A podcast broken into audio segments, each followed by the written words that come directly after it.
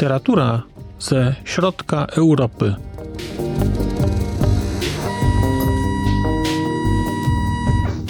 Podcast około książkowy. Dzień dobry. Witam Państwa po raz kolejny w podcaście Znak Litera Człowiek. Przed mikrofonem Marcin Piotrowski. Dzisiaj pojawiam się u Państwa z książką Wiktora Woroszylskiego Literatura. Książka ta została wydana przez Instytut Literacki w Paryżu w ramach serii y, Biblioteka Kultury w roku 1977. Było to więc dzieło, które Woroszylski pisał w Polsce, ale które ukazało się za granicą. Jest to książka bardzo szczególna. Wiktor Woroszylski może być Państwu znany jako przedstawiciel pokolenia czy grupy tak zwanych pryszczatych, młodych literatów, młodych twórców, którzy bezpośrednio po wojnie bardzo aktywnie zaangażowali się we wspieranie nowej rzeczywistości, nowego systemu. Można byłoby powiedzieć, że użyczyli pióra, no ja patrzę na to nieco inaczej i mam wrażenie, że mimo, że tego pióra użyczyli, to jednakowoż robili to z przyczyn ideologicznych. No ale Woroszylski był jednym z tych, powiedziałbym, najbardziej gniewnych. Przemiana, która w nim nastąpiła, była związana z wydarzeniami węgierskimi w roku 1956. Woroszylski był w Budapeszcie, pojechał tam jako obserwator, reporter widział te wydarzenia na miejscu, to były wydarzenia bardzo znaczące, bo one zasadniczo zmieniły jego postrzeganie komunizmu, jego postrzeganie systemów, w ramach którego funkcjonował. No ale literatura to jest rzecz późniejsza, bo to jest książka, którą pisał w latach 1966-1970 i jest to rzecz bardzo, bardzo wyjątkowa. Po pierwsze, trzeba pamiętać, że Wiktor Woroszylski był przede wszystkim poetą, tłumaczem poezji, i to w tej książce widać. Trudno jednoznacznie powiedzieć, o czym jest literatura. Teoretycznie jest to proza. Natomiast jest to bardzo wyjątkowa proza, bo to jest proza taka, że momentami mamy wrażenie, że jest to nieco inaczej zapisana poezja, że jest to poezja, która nie została połamana do wersów, tylko która jest pisana ciągiem. Na tę książkę można patrzeć z wielu różnych punktów widzenia. Są tam wątki biograficzne, są wątki autobiograficzne, są odniesienia do różnych dzieł, są odniesienia do różnych innych pisarzy. Zacząłbym chyba jednak od formy, nie od treści. Ta forma jest bardzo wyjątkowa, bo to jest forma, nazwałbym ją wysoce poetycką. To nie jest książka łatwa w czytaniu. To nie jest książka łatwa, dlatego że Woroszylski stosuje nawet takie zabiegi polegające na ograniczeniu interpunkcji. Są fragmenty w tej książce, kiedy nie ma na przykład kropek. Są przecinki, ale nie ma kropek są fragmenty, gdzie całe dłuższe dialogi prowadzone są w taki sposób, że jest to jeden akapit, natomiast poszczególne wypowiedzi dialogowe oddzielane są przecinkami jedynie. Także przecinkami oddzielane są fragmenty zdania każdej ze stron. Tak naprawdę lektura wymaga ogromnej uważności. Trzeba zastanowić się, gdzie kończy się jedna wypowiedź, gdzie zaczyna się odpowiedź drugiej osoby. Na dodatek te rozmowy, te dialogi mają charakter taki wysoce nieformalny. To nie są pełne zdania, to są półsłówka, takie fragmenty zdań, które zapadają w pamięci. W trakcie rozmowy normalnej mamy kontekst i nie pamiętamy dokładnie całego zdania, całej wypowiedzi, ale pamiętamy, jesteśmy w stanie powtórzyć kilka kluczowych słów. Tego typu zabiegi stylistyczne tutaj się pojawiają. Fragmenty tej książki, fragmenty literatury mają formę z kolei utworu dramatycznego. Jest podział na role. To są bardzo krótkie fragmenty, ale nadal jest podział na role. Są didaskalia. Oczywiście nie są zapisane w formie typowej dla dramatu, gdzieś na marginesie, tylko są zapisane w treści. To znaczy, po chwili coś czytamy i po chwili orientujemy się, że de facto czytamy zapis dramatu. Mamy w tej książce także poezję. Są to poezje Woroszyckiego, ale są to także na przykład tłumaczenia e, Mariny Cwietajewej. Są fragmenty, w których mieszają się języki. Całe akapity, gdzie są przeplatane ze sobą zwroty czy wyrażenia w języku polskim, w języku niemieckim, w języku e, rosyjskim. Są fragmenty, które są elementami scenariusza filmowego, na przykład. Są też klasyczne dialogi. Są takie fragmenty listów, ale mają one charakter esejów literackich, esejów dotyczących istoty sztuki, esejów dotyczących istoty pisarstwa, tego po co się pisze, czym jest pisanie, czym jest sztuka, czym jest twórczość, czym jest poezja. Są fragmenty, które są wypiskami z jakichś protokołów spotkań. Mają taki bardzo apokryficzny charakter. Są fragmenty będące elementami reportażu.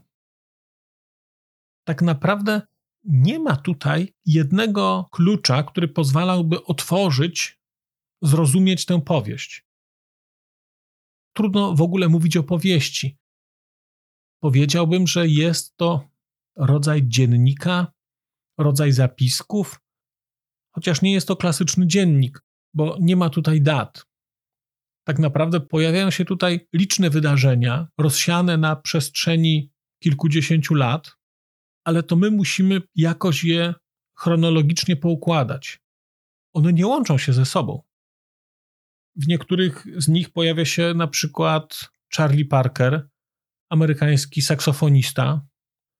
W innych pojawia się Marina Cwietajewa, pojawia się Boris Pasternak, pojawia się także postać Kurta Gersteina. Nie wiem, czy Państwo kojarzycie, to był człowiek, który będąc wysokim oficerem SS, przez całą wojnę usiłował się skontaktować z aliantami i przekazać im informacje o tym, co wydarzało się w obozach koncentracyjnych. On został y, skazany. Dopiero po wojnie znacząco inaczej spojrzano na tę postać. Natomiast on się tutaj też pojawia. Jest bardzo przejmujący fragment, w którym bierzemy udział w ramach spotkania takiej grupy inicjatywnej przygotowującej ludobójstwo Ormian w roku 1915. Mamy fragment, w którym spotykamy wysokiego rangą oficera Rosji, tej bolszewickiej, ale takiej początkowej, który gdzieś zostaje aresztowany. Ta książka jest bardzo niejednolita. Ona nie ma klasycznej akcji. Można byłoby oczywiście wskazać, że klasyczna akcja w tej książce to są wydarzenia, które rozgrywają się na przestrzeni kilku miesięcy, czyli główny bohater przyjeżdża gdzieś na premierę swojej sztuki, poznaje tam jakąś aktorkę, nawiązuje się między nimi jakiś romans. Później gdzieś on wraca do życia, próbuje wyciągnąć swoją córkę z takiej społeczności hipisowskiej. Ale to są takie pojedyncze punkciki. Tak naprawdę ta książka nie ma klasycznie rozumianej linearnej akcji. Głównym bohaterem jest Tadeusz Borowski. Borowski był wielkim przyjacielem Woroszylskiego, oni się przyjaźnili. I powiedziałbym, że cała ta historia, która tutaj jest pokazywana, to jest historia tego, co wydarzyło się z Tadeuszem Borowskim, historia tego, co wydarzyło się w trakcie wojny, a później po wojnie, tego jego samobójstwa, tych teorii wokół tego samobójstwa, jego rozumienia literatury, tego, jak przyjaciele próbowali później pomóc, wersji tego, jak ludzie się o tym dowiadywali, ale to też nie jest reportaż. To są bardzo takie pojedyncze fragmenty, rozmowy z Borowskim, wspomnienia, ale to wszystko jest napisane tak wysoce poetycko, że ma się wrażenie takiej ogromnej ulotności tego. tego, że to jest nie do końca jasne.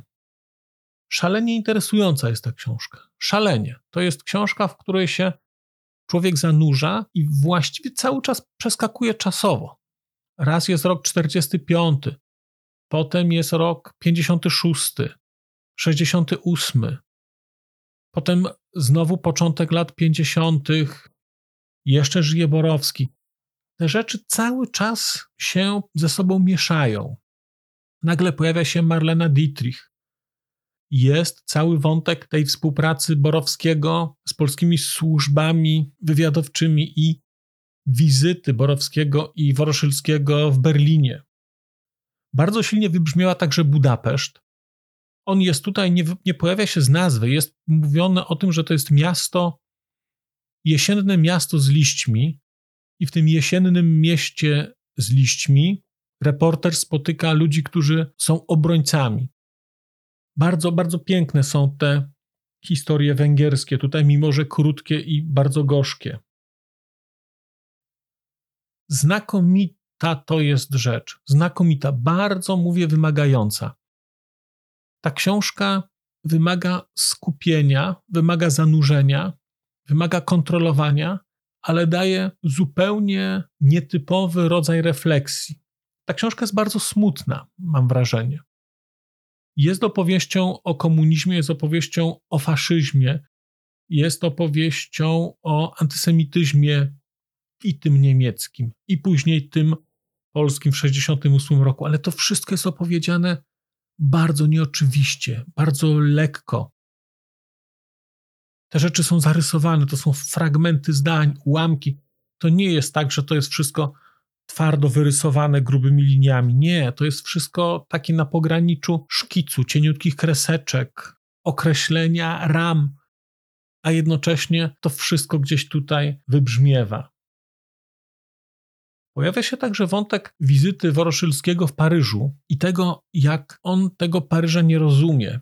Jak spotyka młodych, gniewnych Paryżan, którzy chcą u siebie budować komunizm, i jak ten Paryż z tą swoją miejskością, paryskością, takim burżuazyjnym charakterem, jak on wyraźnie jest przeciwstawiony tym miastom wcześniejszym, czyli Grodnu, czyli Warszawie, czyli Budapesztowi.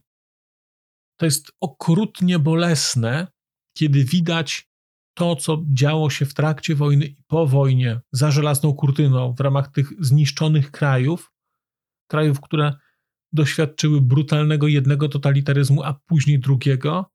I jak na tym tle pojawia się Paryż z tą taką swoją pełnią, z takim swoim skupieniem na zaspokajaniu potrzeb, zachcianek wręcz, z tymi młodymi rewolucjonistami, którzy uważają, że zbudują lepszy świat, budując komunizm we Francji, mają nadzieję.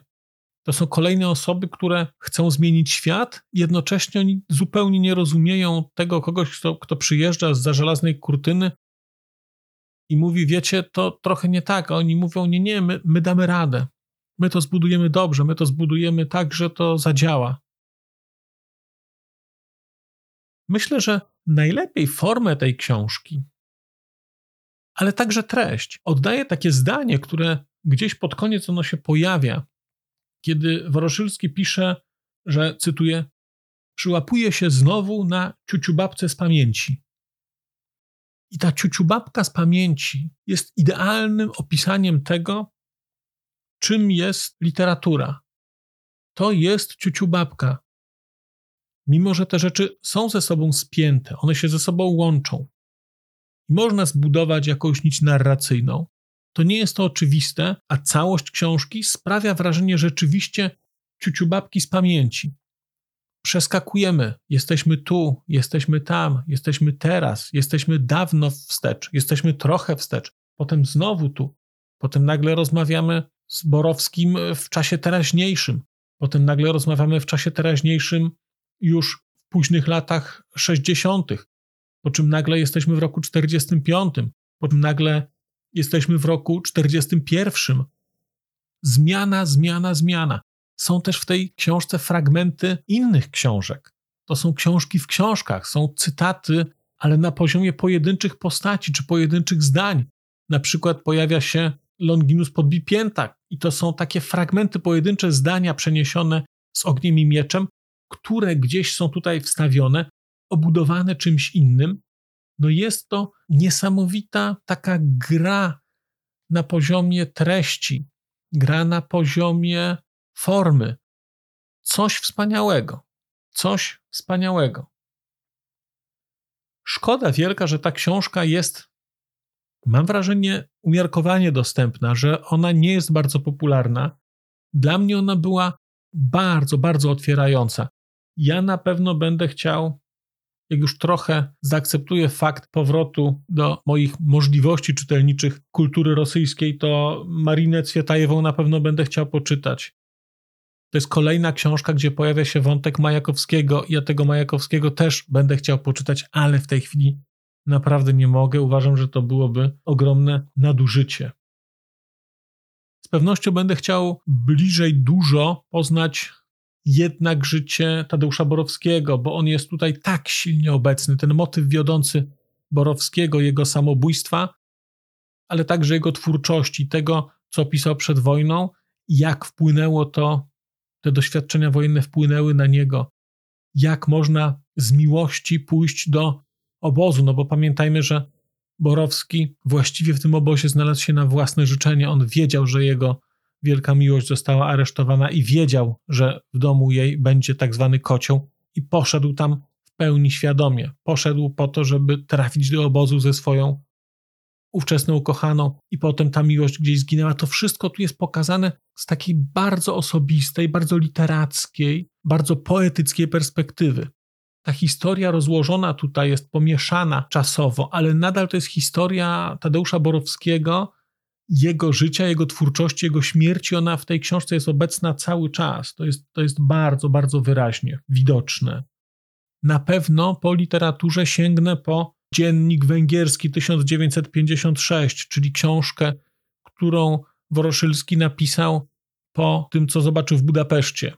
I wydaje mi się, że to będzie książka, która będzie chyba otwierać moje spotkania z literaturą węgierską, mimo że to napisał Polak, to uważam, że to będzie takie ciekawe przejście z Polski na Węgry i na dodatek przez człowieka, który pojechał jako komunista, a wrócił jako rozczarowany krytyk systemu. To bardzo wyraźnie widać w lawinie i kamieniach. Jest pokazane to, kiedy Woroszylski wraca i wraca jako inny człowiek i przemawia i stara się do pewnych rzeczy zachęcić, ale jest już, ale jest już za późno. Bardzo byłem zaskoczony tymi rozważaniami o ludobójstwie Ormian. To bardzo mocno wybrzmiewa tutaj ta dyskusja rozpisana. To jest taki klasyczny protokół. Nazwisko i jest coś napisane, nazwisko i wypowiedź. Oczywiście większość tych rzeczy, która ma taki charakter quasi-dokumentalny tutaj, nie jest w pełni autentyczna. Woroszylski napisał o tym, cytuję, protokół nie całkiem autentyczny, ale z autentycznym zapleczem. To się nie pojawia a propos tego konkretnego fragmentu, ale przy okazji innego fragmentu. Ale tutaj są takie fragmenty wysoce apokryficzne i właściwie nie wiadomo, co to jest, czy to jest prawda, czy nieprawda. Znakomita jest ta literatura, znakomita jest ta literatura. Ja będę twórczość Woroszylskiego też z pewnością śledził i tę jego drogę. To odejście od komunizmu i przejście na zupełnie inne pozycje, to jest dla mnie bardzo, bardzo interesujące. Natomiast ja Państwu literaturę Wiktora Woroszylskiego bardzo polecam. Ta książka nie jest objętościowo duża. To jest drobiażdżek, ale miałem wrażenie, że to jest drobiażdżek, który jest nasycony poezją do takiego stopnia, jakiego nie spodziewałem się znaleźć w książce, która jest wydana jako proza, która jest określana mianem powieści. Czy to jest powieść? To jest chyba rodzaj literackiego dziennika. To jest chyba rodzaj rzeczywiście ciuciubabki z pamięcią. Bardzo dziękuję Państwu za uwagę. Dziękuję za wysłuchanie dzisiejszego odcinka. Zachęcam do czytania Wiktora Woroszylskiego, a ja powrócę do Państwa już wkrótce z opowieścią o kolejnych książkach. Przez mikrofon mówił do Państwa Marcin Piotrowski. Do usłyszenia. A już zupełnie na koniec powiem, że skoro wysłuchaliście Państwo tego odcinka, to w jego opisie znajdziecie link do serwisu YouTube. W wersji YouTube'owej jest miejsce na skomentowanie go. To jest takie miejsce, gdzie można komentować ten odcinek, rozmawiać, zadawać pytania, wymieniać się spostrzeżeniami, do czego Państwa bardzo zachęcam, gdyż udało się już na tym YouTubie zgromadzić trochę bardzo ciekawych osób, bardzo ciekawych komentarzy i trochę stworzyć taką społeczność ludzi rozmawiających o książkach. Też na koniec, zupełnie na koniec, e, poproszę Państwa o wystawienie oceny mi w ramach e, tych platform podcastowych, na których Państwo tego odcinka wysłuchaliście. I nieważne, jaka ta ocena będzie, istotne dla mnie po prostu, że będzie. Tymczasem się żegnam już naprawdę i do usłyszenia za czas jakiś.